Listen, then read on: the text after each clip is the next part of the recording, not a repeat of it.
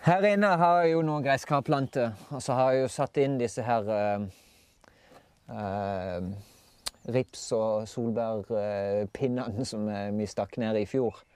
Uh, vi har jo da tatt ut de som overlevde, som begynte å spire nå i vår, som overlevde vinteren og alt, og så satt de i noen potter, og de stortrives her. Jeg satte de inn her i dette drivhuset for at de skulle få det der lille ekstra kickstarten nå i begynnelsen med litt varmere vær, så de har jo de er jo fulle av blader, og alt der begynner jo å komme blomster på noen av de og blir knallbra. Så dette blir ordentlig buske. Rett og slett så blir dette ordentlig buske, bare de der pinnene som de stakk ned i jorda. Så det er jo helt supert. Denne her karen eh, fra Hellas, den uh, har trivdes så veldig godt her i hele vinter, men så plutselig nå så eh, ble han brun og fæl og stygg. Jeg vet ikke hva, om det ble for varmt for han der inne, så jeg satte han ut her for å se om det hjalp noe, men Få se. Det blir det det blir med den. Jeg aner ikke. Jeg vet ikke hva det er for noe engang.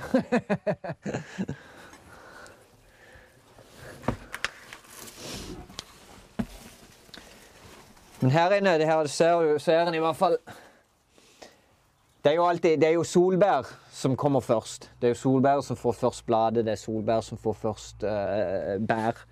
Uh, kontra ripsen, altså. Uh, og dette er da en solbær en solbærbusk. Og det er, er letteste saken i verden å, å finne ut av. Fordi du bare gnir litt på bladene, så lukter det solbær. Uh, rips, sånn som disse, der lukter det ingenting. Det må testes. Ikke sant? Så det er en kjempeflott solbærbusk. Og her ser du disse andre her. Ja, de to er rips. Den er rips. Å nei, det var den samme som jeg gnei i solbæren med. Lukter plutselig, Hvis det bare lukter på den, så lukter alt solbær. Så det blir litt feil. Ja, det er rips. Fire ripsbusker og en, et, et solbær. En solbærbusk. En solbærbusk. Busken. Busket. Buska? en solbærbusk, heter det.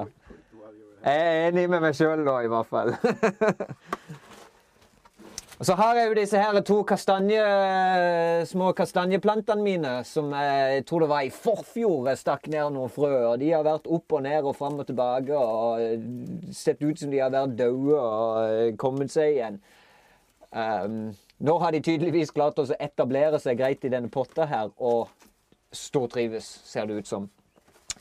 Så eh, etter hvert når blir Nå, nå er de her inne og har gode forhold.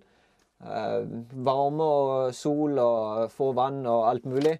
Skal de få lov til å vokse seg så store og fine som de klarer her.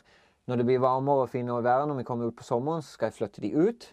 Og da i løpet av sommeren så håper jeg at de ønsker skal gjødsle de litt og sånn. At de er såpass store at jeg kan sette de i jorda, rett og slett.